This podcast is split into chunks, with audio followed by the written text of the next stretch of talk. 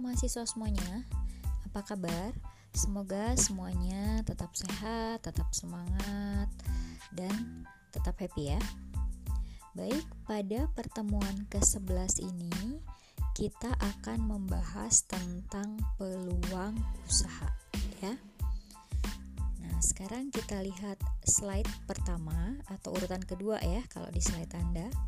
Nah, di sini bisa kita lihat bahwa keberhasilan usaha yang Anda lakukan itu ditentukan oleh faktor perencanaan. Ya. Jadi, perencanaan yang baik, perencanaan yang Anda buat dengan sangat baik akan memperlancar usaha tersebut. Nah, kalau perencanaannya kurang matang, nanti usaha yang akan Anda lakukan pun bisa jadi tidak akan berjalan dengan lancar ya. Nah, di sini perencanaan yang baik mengandung arti jika perencanaan itu Anda buat dengan benar-benar dengan serius, dengan tepat. Nah, di sini tepat atau benar apabila dilihat dari aspek alasannya, kemudian tujuannya, kegunaannya, sasarannya, lalu e, metode yang relevan, kemudian efektivitasnya dan efisiensinya ya. Nah, apabila semua aspek itu Anda rencanakan dengan sangat baik, dengan sangat matang, maka akan berdampak positif juga terhadap kelancaran usaha yang akan Anda lakukan ya. Nah, next kita lihat slide yang lain. Di sini ada orientasi internal dan eksternal ya. Nah, para wirausaha pasti memiliki rasa ingin tahu yang sangat besar, kepo ya. Nah, keponya sebetulnya di sini adalah e, berkonotasi positif ya. Kepo dalam arti misalkan kita dengan si A memiliki usaha yang sejenis ya. Misalkan usaha minuman nih. Anda lihat, wah si A kok jauh lebih banyak pelanggannya ya dibanding saya. Nah, di situ pasti kan Anda punya rasa kepo ya, punya rasa keingintahuan yang sangat tinggi. Uh, kok dia laku ya? Oh, mungkin dia lebih bersih. Oh, mungkin dia kemasannya lebih menarik. Oh, mungkin uh, apa namanya? Dia memiliki varian rasa yang lebih banyak dibanding saya. Nah, itu ya yang namanya e, rasa keingintahuan yang selalu dimiliki oleh para wirausaha ya. Jadi kita boleh ingin tahu, tetapi tetap harus pada porsi yang wajar ya. Nggak boleh kita misalkan kepo terhadap usaha orang lain, tapi nanti terlintas di otak kita untuk wah jangan-jangan ini wah jangan-jangan ini. Oh jangan ya. Jadi itu sangat-sangat tidak boleh kita memiliki pikiran seperti itu. Jadi kita boleh kepo tetapi untuk membangun uh, usaha yang kita buat ya tetap dalam koridor yang positif. Itu maksud saya. Nah nah kemudian di sini terdapat dua jenis kesadaran yang memaksa penelusuran peluang usaha baru yakni kesadaran yang tercermin dalam orientasi eksternal dan internal ya. Nah, kita lihat slide berikutnya, slide urutan keempat. Sumber-sumber gagasan baru yang biasanya muncul di benak atau di pikiran seorang wirausaha bisa berasal dari konsumen. Misalkan e, biasanya kan kalau tidak salah di bab awal ya saya sudah jelaskan bahwa uh, pengusaha yang baik, wirausaha yang baik itu adalah selalu ingin mendapatkan feedback secepatnya dari para konsumennya. Nah, tujuannya apa? Supaya kita mengetahui kira-kira konsumen itu inginnya seperti apa ya, gitu ya. Jadi uh, kan kadang-kadang nih anda uh, Anda ingat kan Anda misalkan pernah masuk ke suatu kafe atau suatu kedai makan baru. Nah, biasanya tuh si mbaknya nanti atau si mas waiternya ngasih kita semacam kuesioner. Nanti kita isi tuh di situ. E, bagaimanakah pelayannya pelayanannya cepatkah pelayannya ramahkah terus gimana rasa makanannya kemudian saran ke depannya apa? Misalkan saran kita adalah e, sudah bagus alangkah baiknya apabila e, varian minumannya ditambahkan atau misalkan e, makanannya sudah enak tapi mungkin uh, kurang banyak jenisnya gitu ya. Misalkan rumah makan itu hanya menyediakan uh, mie goreng nasi goreng. Nah misalkan anda memberikan saran gimana kalau misalkan ada baksonya? Atau gimana misalkan ada item makanan yang lain? Nah itu kan uh, masukan dari konsumen itu juga bisa membuat atau bisa menjadi sumber gagasan baru bagi para wirausaha ya. Nah, kemudian yang kedua adalah sumber gagasan yang kedua adalah perusahaan yang sudah ada.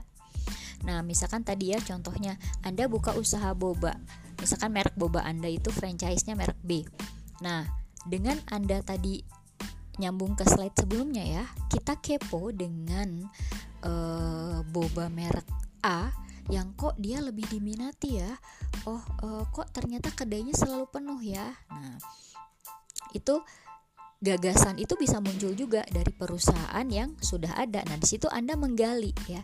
Misalkan Anda iseng beli nih si boba merek A tersebut, terus Anda coba anda bandingkan nih dengan punya Anda, tapi cara membandingkannya harus objektif ya, nggak boleh gini, wah tetap enakan punya gue nih, nah nggak boleh gitu ya, tetap harus objektif. Misalkan Anda coba nih si boba perusahaan yang sudah ada, hmm, ternyata dia lebih ada campuran ininya ya, ada campuran tekstur buah segarnya. Nah atau misalkan oh iya kemasan dia lebih menarik. Misalkan oh misalkan uh, varian rasanya dia lebih kekinian. Nah itu kan uh, apa namanya produk dari perusahaan yang sudah ada itu bisa menjadi gagasan baru bagi usaha yang sedang Anda lakukan gitu ya.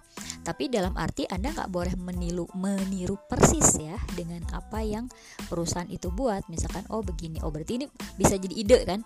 Oh dia memasukkan apa namanya buah potongan buah asli ke dalam boba tersebut. Oh kalau aku misalkan diganti dengan ini gimana ya gitu ya. Jadi intinya uh, apa bisa menjadi inspirasi tetapi akan lebih baik jika Anda tidak meniru 100% produk yang perusahaan lain buat gitu ya. Jadi Anda bisa lebih berinovasi. Misalkan kalau itu buahnya yang dipotongin, Anda misalkan ditambahin apa gitu ya.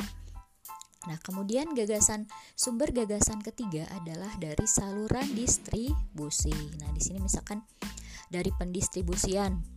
Anda awalnya bagaimana cara Anda mendistribusikan produk yang Anda jual.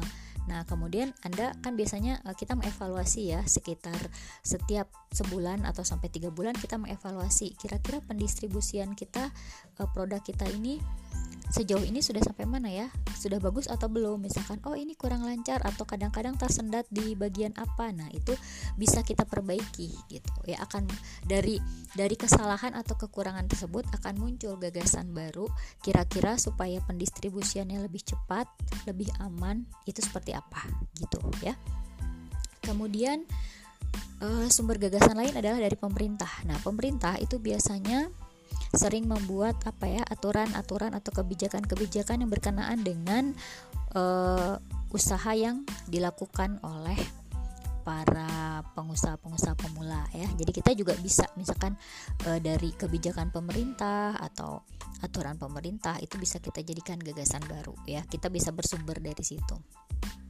Kemudian yang terakhir adalah e, dari penelitian dan pengembangan. Yang dimaksud penelitian ini adalah bersumber dari yang tadi ya, e, dari kekepoan pengusaha.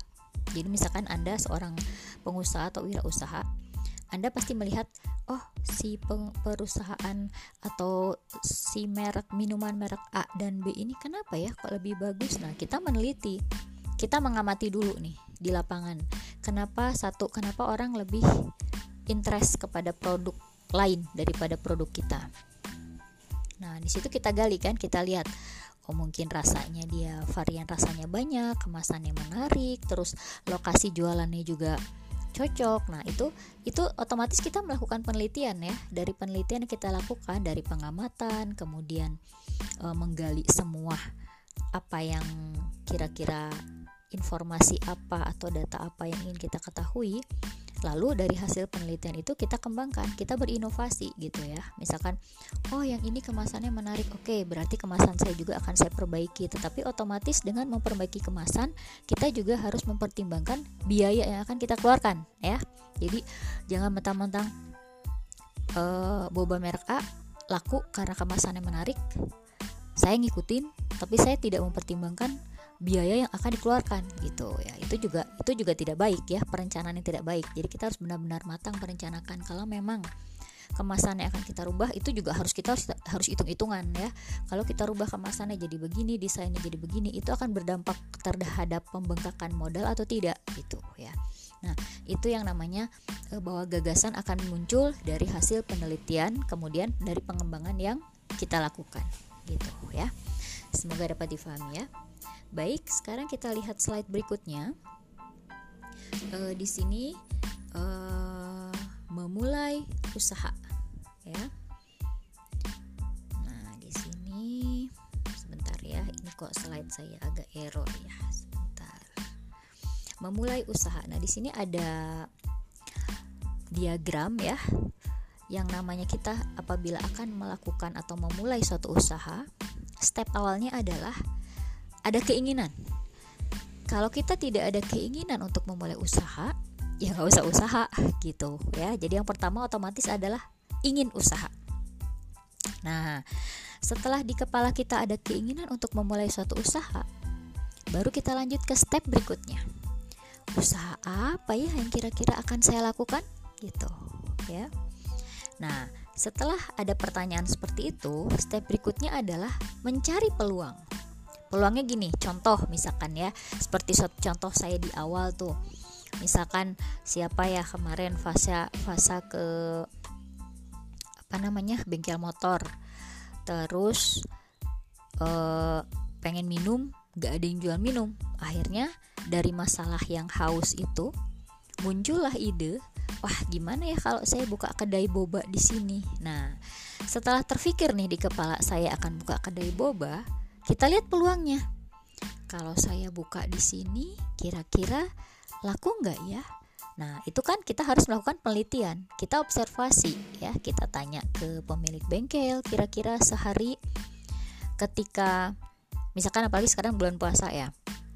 Misalkan bengkel ini sehari pelanggannya kira-kira berapa?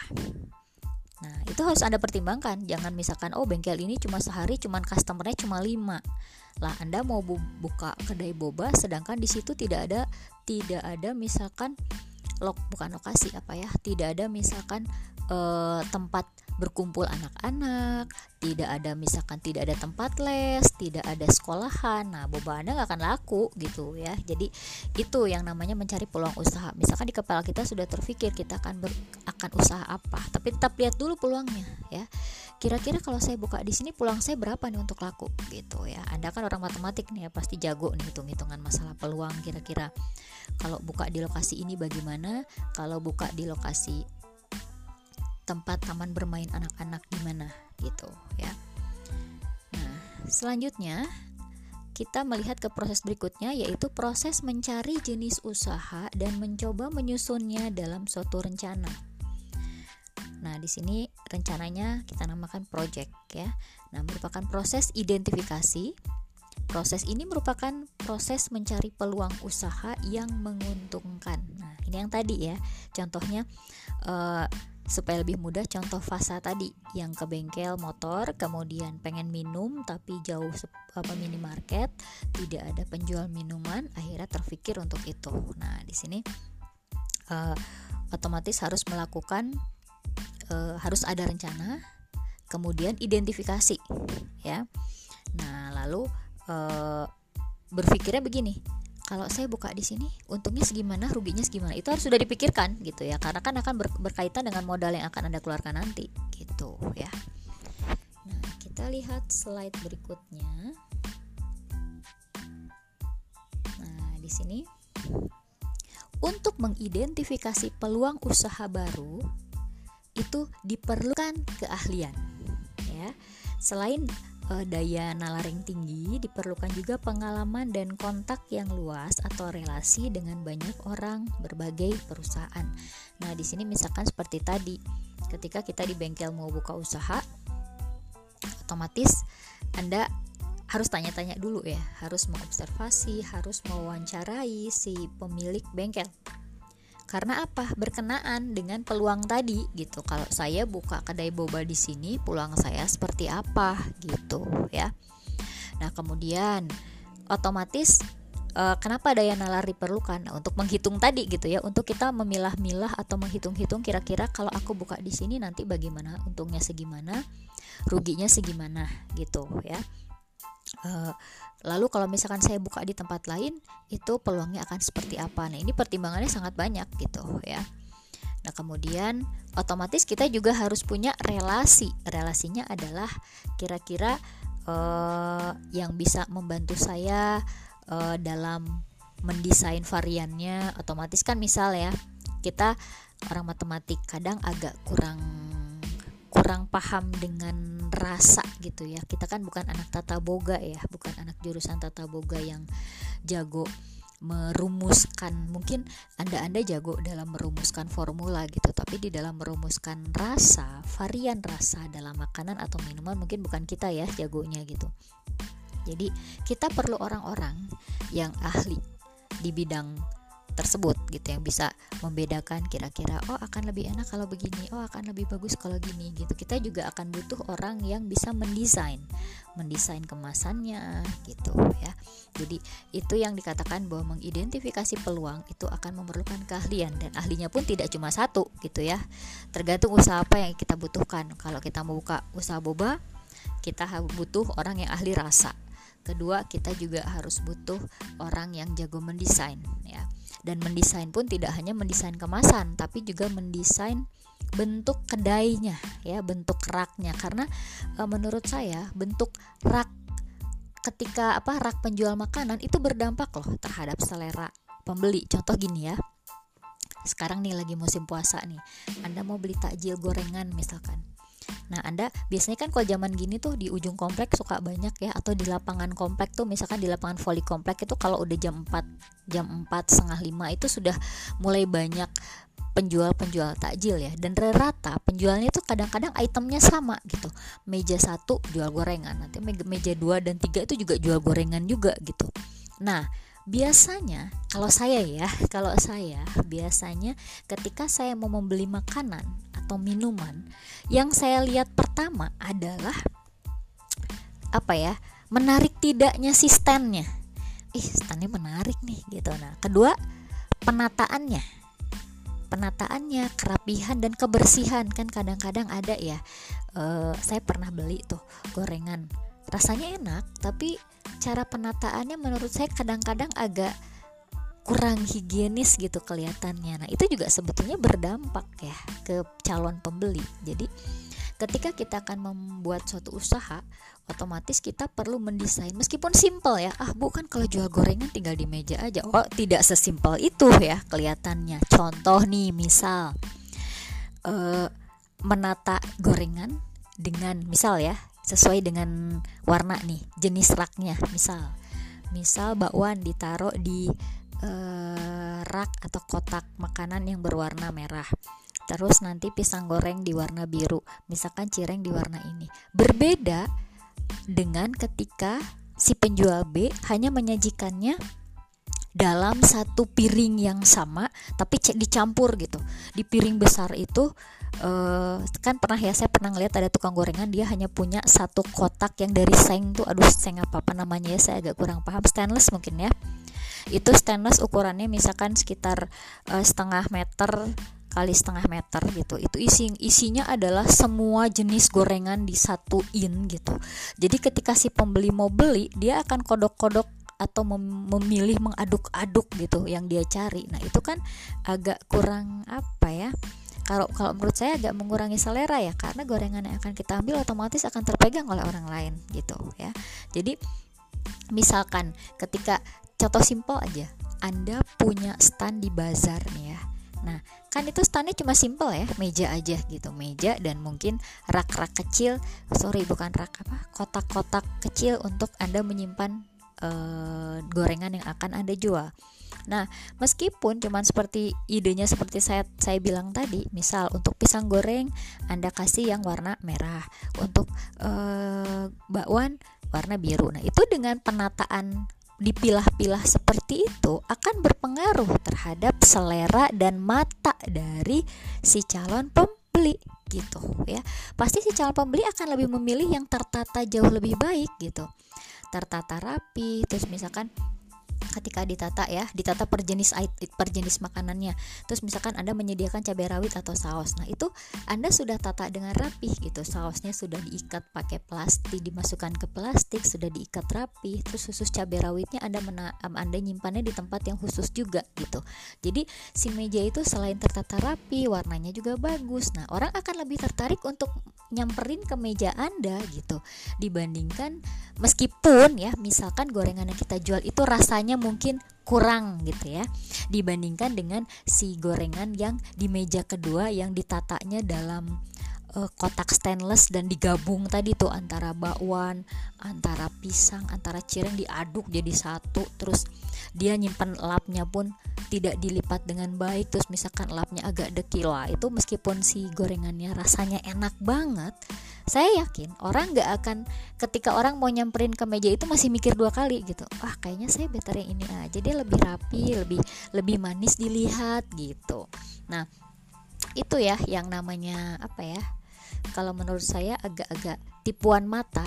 Orang zaman sekarang lebih suka dengan tipuan mata meskipun rasanya agak kurang enak ya. Tapi kan oh bersih rapi gitu ya. Apalagi zaman sekarang ya kita akan mencari makanan yang bersih gitu karena kan virus di mana-mana. Jadi pasti uh, yang ada di otak kita adalah mencari makanan yang bersih. Begitu juga uh, ketika kita nanti akan usaha ya. Tadi balik lagi yang tadi. Kenapa cuman kedai boba aja harus punya desainer bu? Ya harus gitu.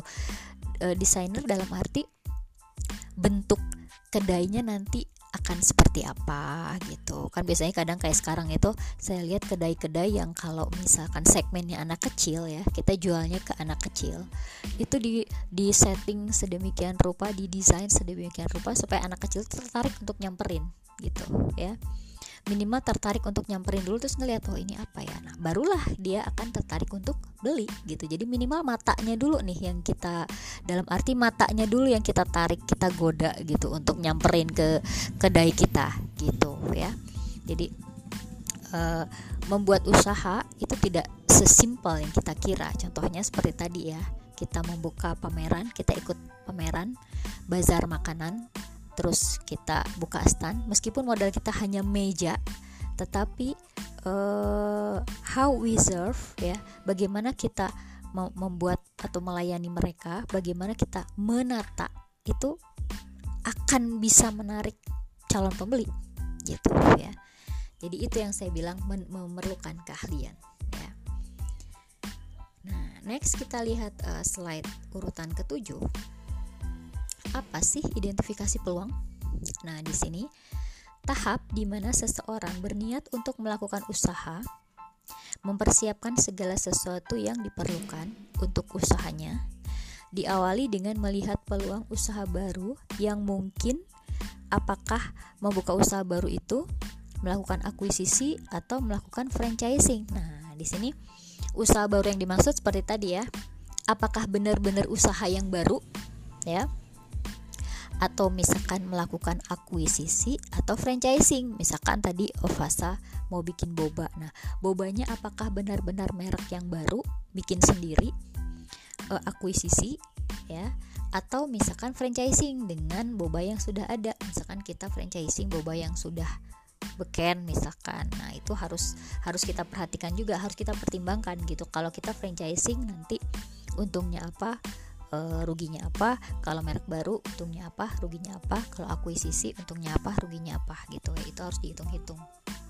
Nah, kemudian tahap ini juga termasuk memilih jenis usaha yang akan dilakukan. Apakah di bidang pertanian, industri, jasa, kuliner dan lain-lain ya. Nah, kemudian di sini banyak peluang dalam mengidentifikasi hal baru dan lebih baik untuk dikerjakan. Dan cara baru yang lebih baik di dalam mengerjakan sesuatu. Nah, di sini seorang wirausaha adalah orang yang mencari serta melihat peluang. Yang mungkin saja peluang tersebut tersembunyi ya Anda nggak nyadar tuh peluangnya gitu ya. Tersembunyi dengan gagasan baru kemudian bekerja keras merubah peluang tersebut menjadi kenyataan gitu ya. Nah kita lihat uh, slide berikutnya. Cara mengidentifikasi peluang Nah, di sini yang pertama jenis informasi untuk dapat membuat suatu perencanaan usaha yang diperlukan. Oh sorry untuk mencari untuk uh, membuat suatu perencanaan usaha diperlukan informasi dan bahkan juga sering diperlukan data yang lengkap. Ini yang saya bilang tadi ya. Jadi ketika fase akan membuka uh, warung boba di dekat bengkel otomatis harus cari data dulu ya. Datanya adalah customer yang datang per hari berapa kemudian usianya berapa kan karena misal ya pengunjung bengkel itu banyaknya orang yang berusia di atas 55 ya akan kurang suka ya minum boba gitu. Jadi itu juga data tersebut juga perlu kita kumpulkan untuk memutuskan kira-kira perlu tidaknya atau jadi tidaknya kita buka usaha boba di bengkel tersebut gitu ya. Nah, di sini informasi atau data yang kita perlukan itu variasi ya, bervariasi bergantung kira-kira e, jenis usaha apa yang akan kita buka di situ gitu. Oke, kita lihat uh, slide berikutnya. Di sini uh, informasi tentang produk ya. Nah, di sini jenis dan spesifikasi serta desain produk, kemudian kegunaan produk.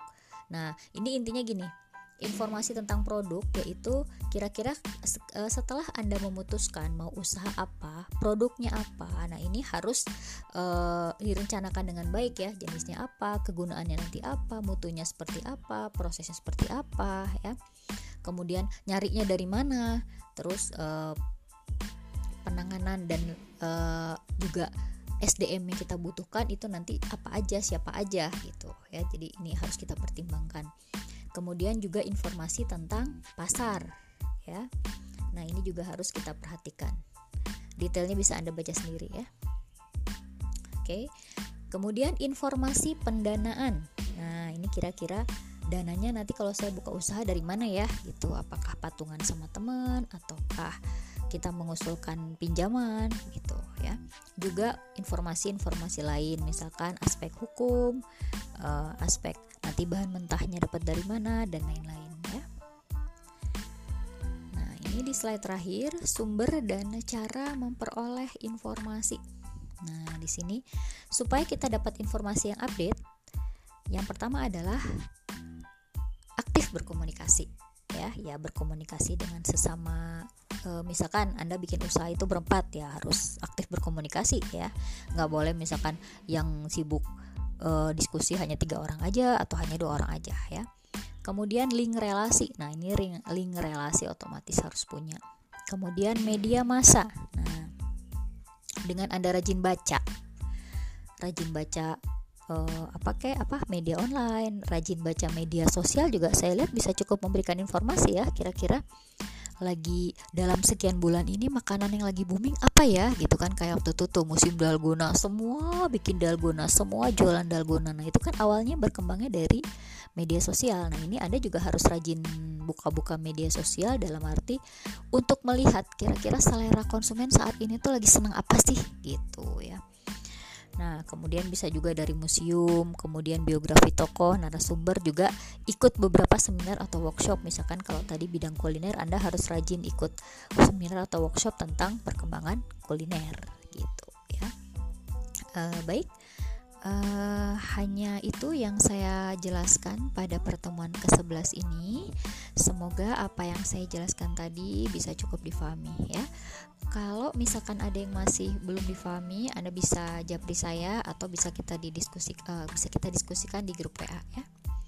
Oke, sampai ketemu di pertemuan berikutnya. Tetap semangat dan tetap jaga kesehatan ya. Dadah.